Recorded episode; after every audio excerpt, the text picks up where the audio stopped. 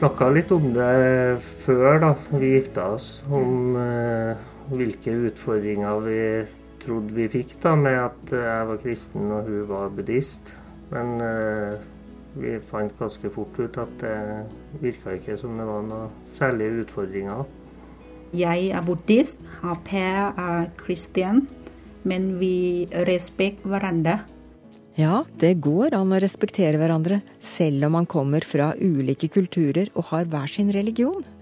Snart treffer du Per Einar og Manerat, som har vært gift i tre år, og besøker hverandres gudshus med glede.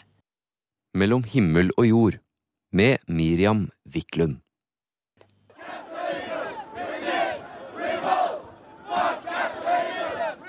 I disse dager spres karikaturtegninger av profeten Muhammed som aldri før, for å markere vår avsky mot terrorisme og forsvare ytringsfriheten. Vil det føre til fred og forsoning, eller blir det bare verre? Humor er på mange måter veldig, veldig farlig fordi den nettopp avkler. Og makten må avkles. Det er viktig. Punktum. Ja, det er liksom noe som er sant, og det må vi holde på. Og så er det lov å bruke huet. Vi kommer tilbake til denne saken litt senere, men nå skal du få treffe et ektepar som lever helt fredelig sammen med hver sin religion. Per Einar Sæther, han er kristen, og Manerat Laping er fra Thailand og buddhist. De møtte hverandre i 2010, og året etter så giftet de seg, og det går da riktig så bra, på tross av både kulturelle og religiøse ulikheter. Jeg visste vel ikke så veldig mye om buddhisme før eh, jeg gifta meg med Manerat, men eh, lite grann visste jeg om eh, munker og tempel, og, og tenkte vel egentlig at det var Det tiltrakk meg, buddhismen, det lille jeg visste, da. Han er veldig snill og smiler. Mange personer ikke smiler, men han smiler. Og da Siam, Thai, Thailand er smileland, da jeg tenker jeg ja, det er han, da.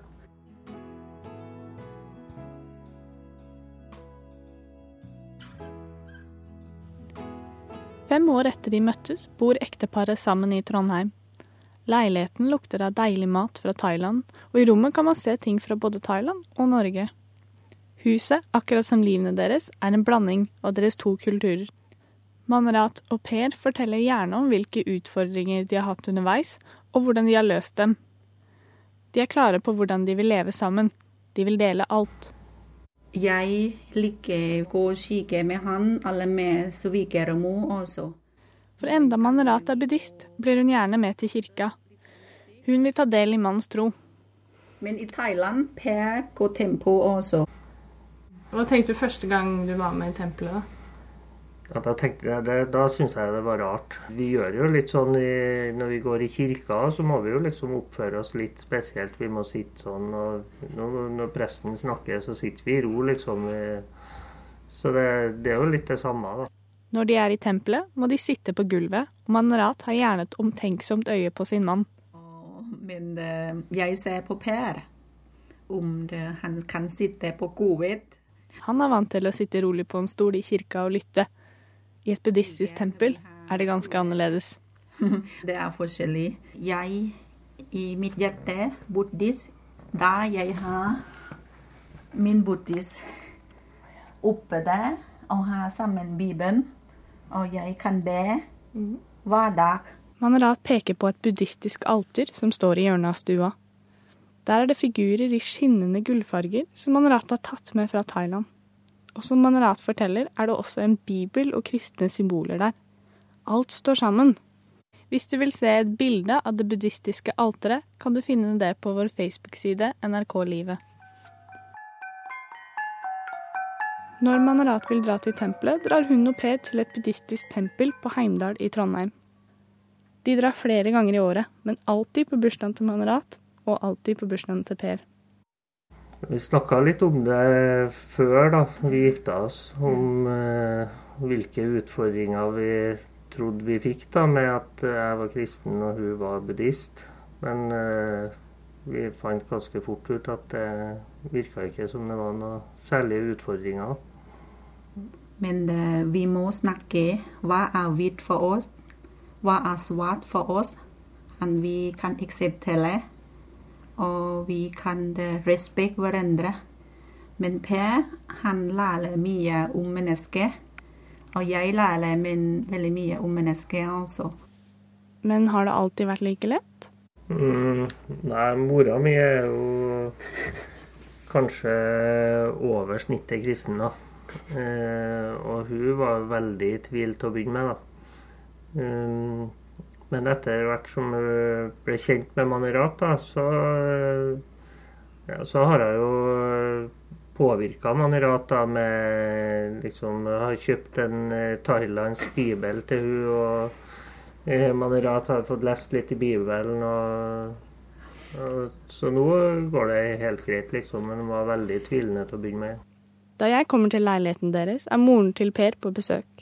Manerat lakkerer neglene hennes, og de har spist thaimat sammen, noe som før var helt utenkelig. Manerat forteller at det var vanskelig i begynnelsen, Moren til Per virket redd Manerat, kanskje redd det ukjente. Men i dag er ikke de ulike religionene og kulturene noe problem. Nå har de blitt kjent med det som før var helt fremmed. Religion for meg, det er Gud, det er i mitt hjerte, da. Og Manerat snakka jo om det på samme måte, at det var liksom ikke de ytre tingene som var så viktige. Jeg elsker Per. Jeg elsker Kristian. Per elsker meg, han elsker buddhist. Da sammen lille Jon ingen problem.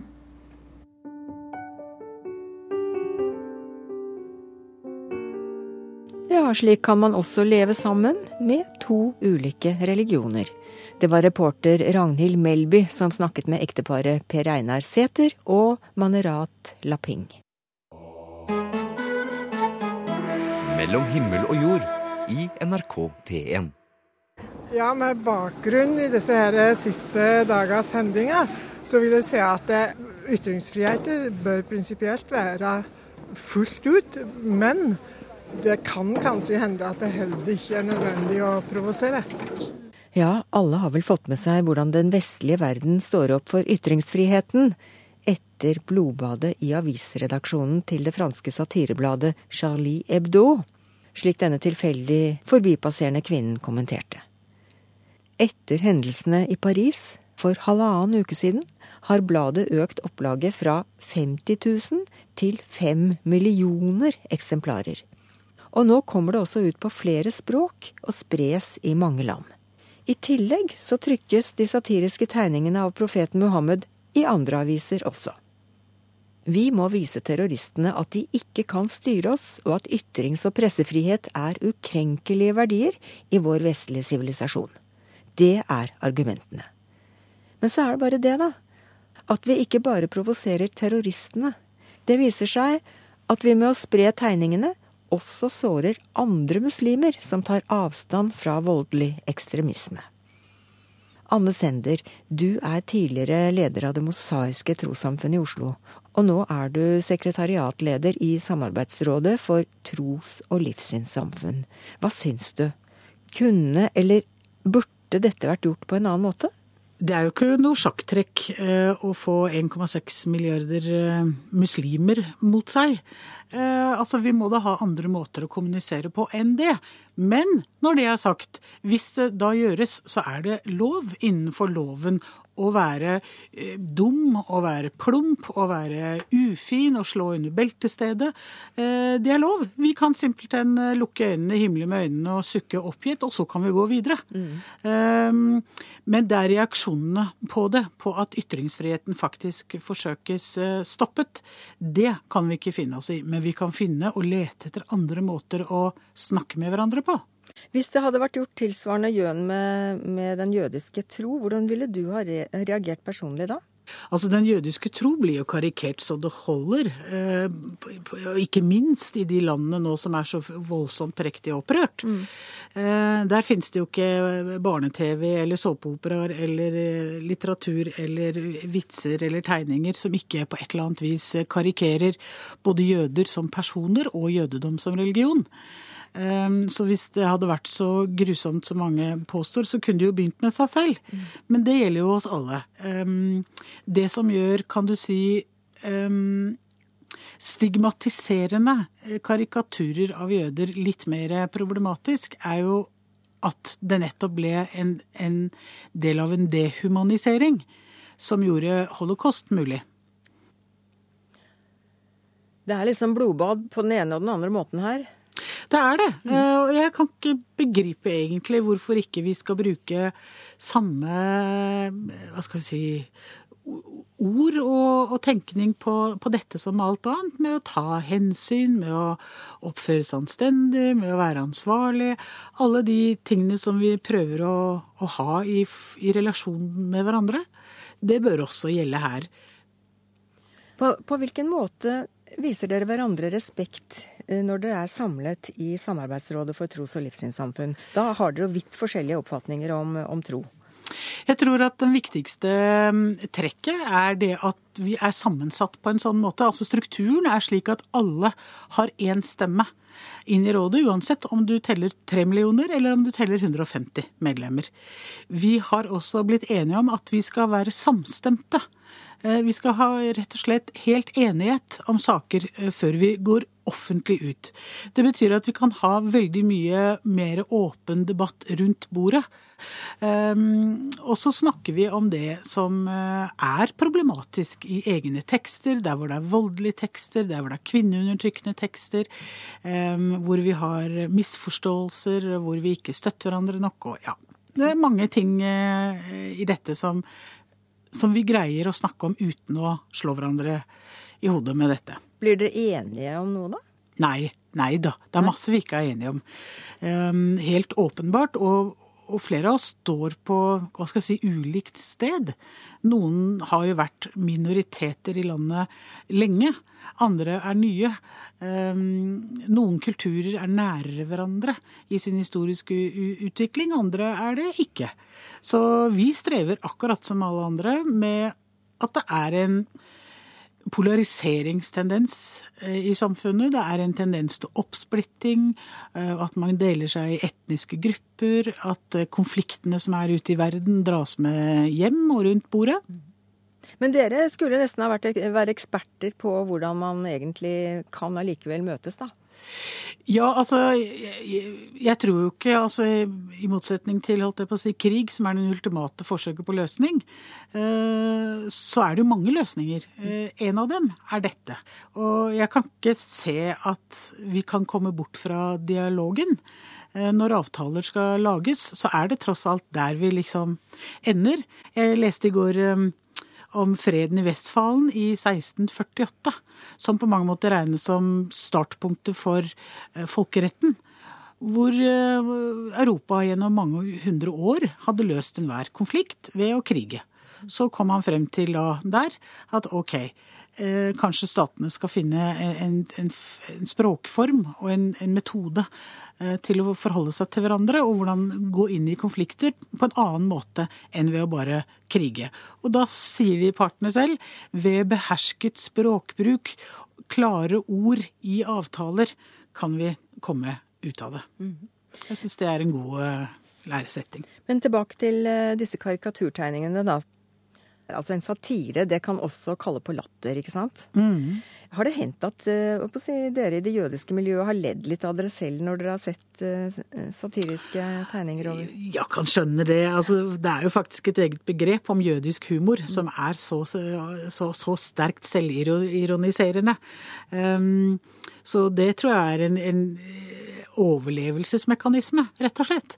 Å kunne le av seg selv og plassere seg selv i det store bildet, om du er liten eller stor. Så eh, humor er på mange måter veldig, veldig farlig, fordi den nettopp avkler. Og makten må avkles. Det er viktig. Jeg tenker at noe av reaksjonene som har kommet, også viser at eh, Europa har blitt veldig sekulært. I hvert fall i Norge er det nå mange som ikke kan religionenes betydning, eh, religionenes språk, og det, eh, den verdien man setter i at ting er hellig. At man faktisk har en religiøs tro som ligger utover en selv.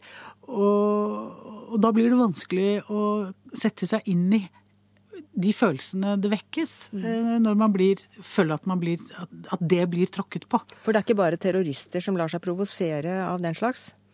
Det er klart ikke. altså Religion er den dypeste delen av din identitet.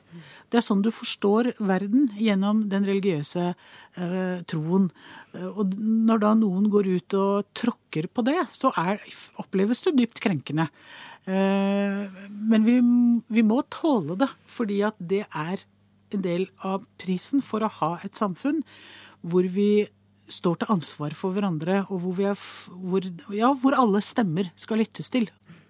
Det virker jo som om uh, muslimer generelt ofte kan ta seg mer nær av en satire av deres tro enn kanskje dere jøder, som kanskje er vant, mer vant til å bli gjort litt narr av, da? Ja, Det tror jeg er riktig, men da kommer selvfølgelig veldig mye mer politikk og makt og geopolitiske forhold inn i bildet.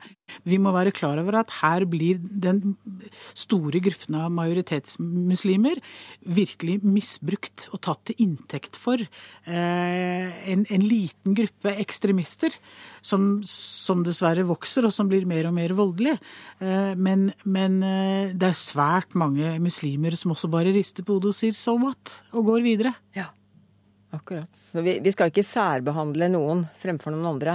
Nei, det blir helt feil. Det går ikke. Eh, fordi at religion er også makt. Det er mennesker som tolker. Eh, og da må vi kunne kritisere og dumme ut de som tolker fordi det betyr makt. Makt over menneskers liv og makt over menneskers politiske eh, strukturer som de velger å være eller ikke være en del av. Ja. Hvordan kan vi minske på en måte aggresjonen, eller i hvert fall motstanden mot hverandres eh, tro, da? Som med alt annet, vi er nødt til å begynne med oss selv. Eh, alle holdninger eh, til den andre dannes rundt middagsbordet. Med ungene våre, hvordan vi snakker om andre mennesker. Hvordan vi forklarer hvem vi er i forhold til de andre. Um, og begynner vi ikke der, vi kan ikke bare skylde på, på tegnerne eller på de religiøse lederne eller journalistene. Uh, vi er selv med på å skape det rommet som gjør at det er mulig å leve sammen eller ikke. Tusen takk, Anne Sender, sekretariatsleder ved Samarbeidsrådet for tros- og livssynssamfunn. Takk det samme. Mellom himmel og jord. Søndager klokka ti.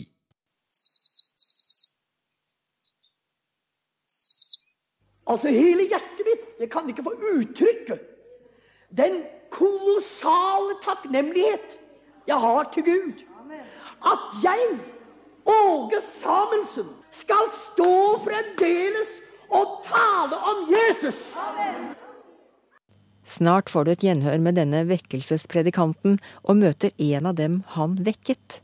Førstkommende fredag er det nemlig 100 år siden Åge Samuelsen ble født.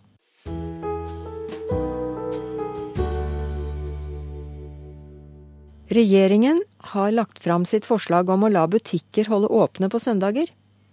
Det fins det delte meninger om blant publikum. Hør bare hva folk svarte da vi spurte dem på gata. Jeg syns egentlig ikke det er nødvendig, altså. Jeg syns ikke det. Men jeg vet jo at i andre land så har de jo hatt det i mange år. Jeg bodde i USA et par år, og det er jo snart 50 år siden. Og der hadde de butikker åpne langt på natt. Kanskje fire timer halv dag. fordi vi har bare lørdag. Når er vi fri fra jobb, så kanskje det er bedre hvis det er åpne halvdager også.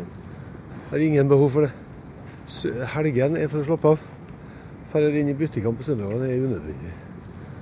Jeg tror ikke behovet er men at folk ønsker at, at, det er liv og røre i byen hver dag. Det tror jeg nok.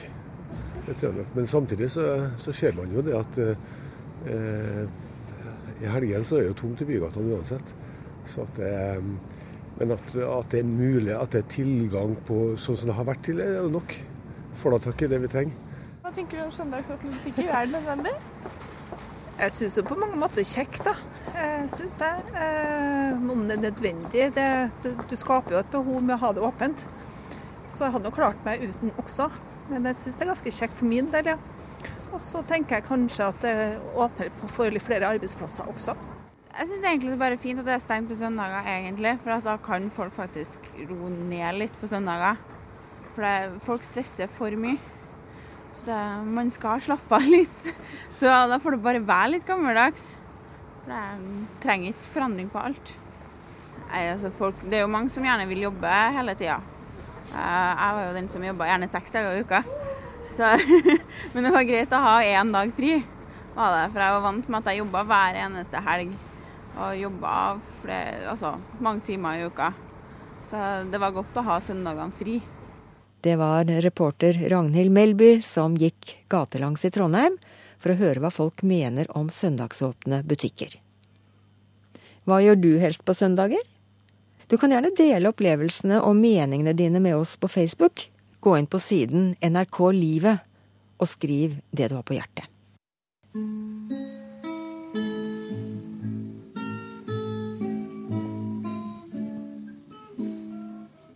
O Jesus, du som fyller åndelig ånd,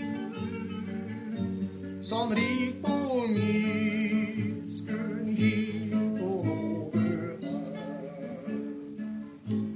Jeg lik Maria for din favn.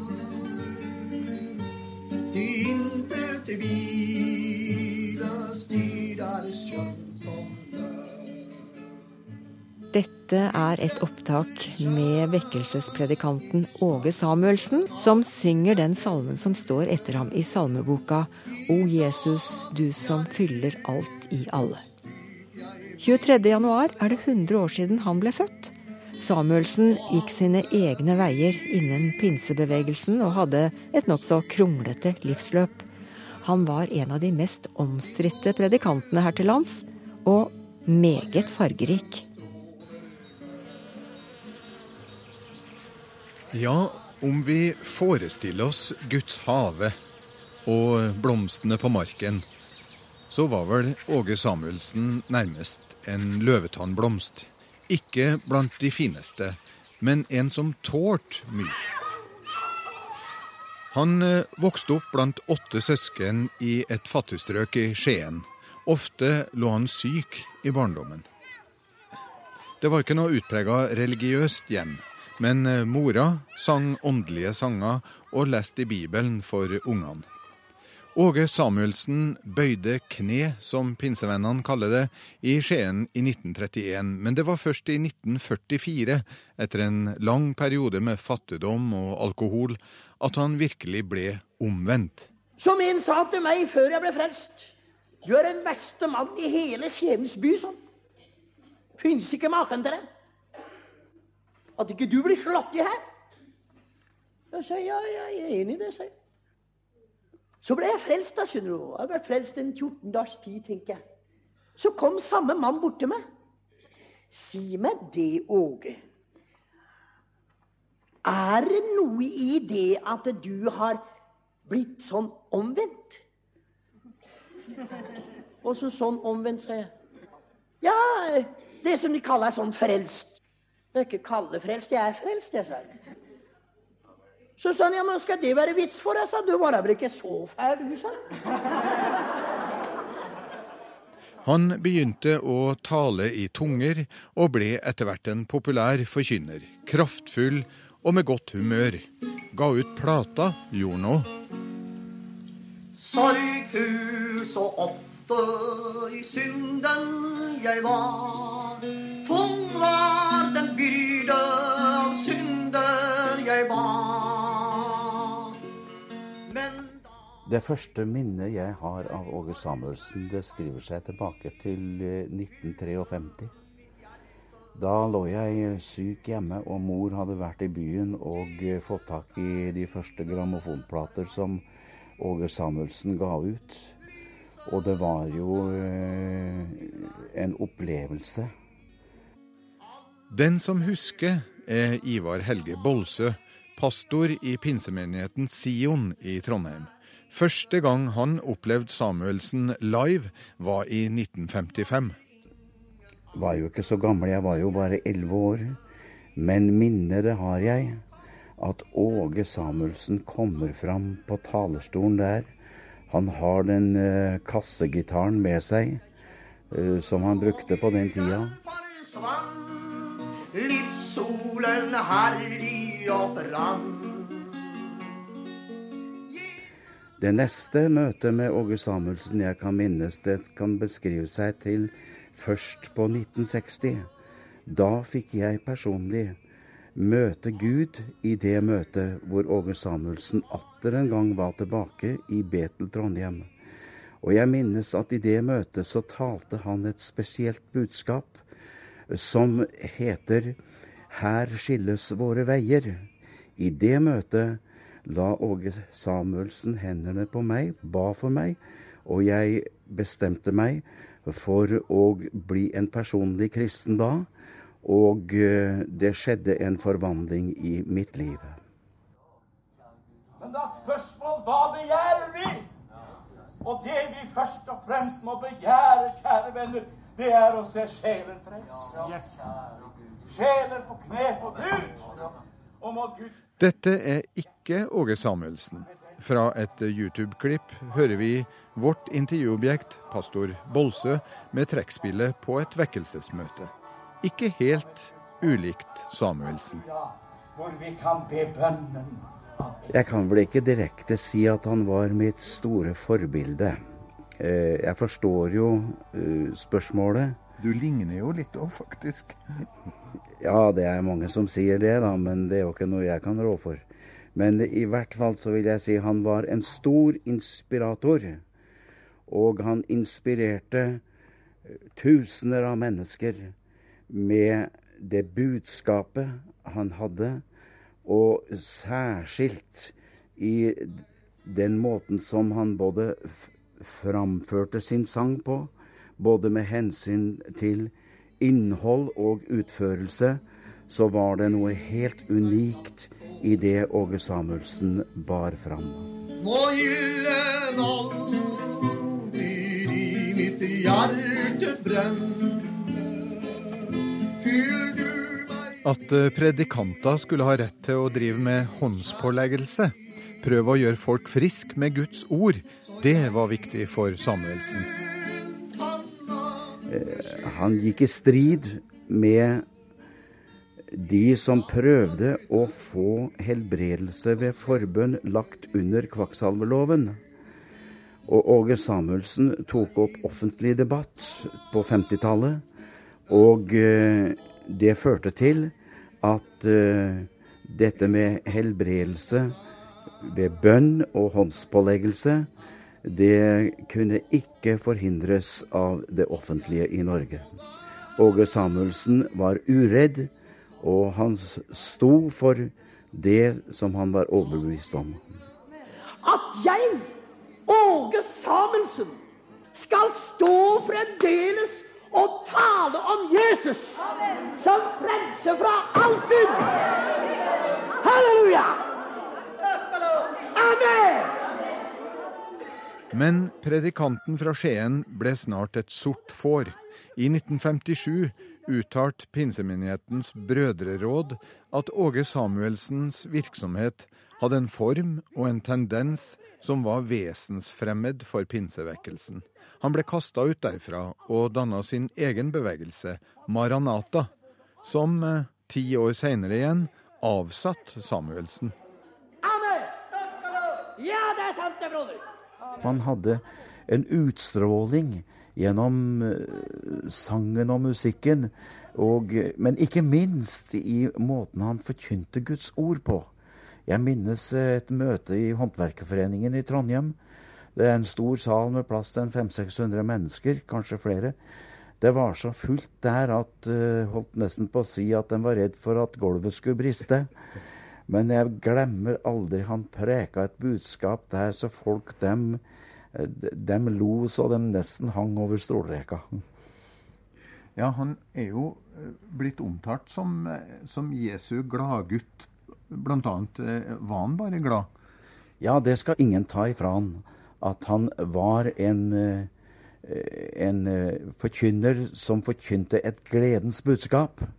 Og det lå sterkt på hans hjerte. Men samtidig så opererte han jo med et helvete også. Ja, det er helt klart at uh, forkynnelsen, den uh, har alltid vært slik når vi skal framholde Guds ord, at det er som sagt en fortapelse å unnfly, en himmel å nå, og det la ikke Åge Samuelsen noe skjul på. Og aldri får du høre fra min munn, og aldri har du hørt det, at jeg har fordømt hjelpeløse syndere. Men jeg fordømmer fariseiske ånd til helvete der den er kommet ifra. Åge Samuelsen var kanskje den predikanten i Norge som fikk mest medieomtale. Ikke minst pga. skandalene. Det ble offentlig kjent at han drakk og hadde et turbulent privatliv. Mennesket er en skjør materie, sier pastor Bolsø. Han ser ikke noe poeng i å dvele ved disse sidene av Samuelsens liv. For Bolse er dette det viktigste. Jeg har valgt å ta vare på det gode som vi har av minner av Åge Samuelsen, og han har gitt den norske kristenheten en sangskatt som ikke dør. Jeg ser at du blir faktisk oppglødd når du snakker om Åge Samuelsen. Har han betydd mye for deg? Vel, han eh, har betydd mye for meg og mange andre. Vi fikk noe gjennom den forkynnelsen i tale og sang som har prega hele livet. Det var pastor i pinsemenigheten Sion, Ivar Helge Bolsø, i samtale med Tore Rosshaug. Og vi kan legge til at Åge Samuelsen døde i 1987. Da gjenstår det bare å minne om e-postadressen vår. Send oss gjerne noen ord hvis du har innspill, ros eller ris. Himmel og jord, krøllalfa, nrk.no. Og husk at programmet sendes i reprise i kveld på P1 pluss klokka 21.03. Du kan også laste oss ned uten musikk via nrk.no podkast eller gå inn på vår nettspiller radio.nrk.no og høre programmet i sin helhet når du vil. Jeg heter Miriam Wiklund. Ha en trivelig søndag, og så høres vi igjen om en uke. Mellom himmel og jord helt gratis.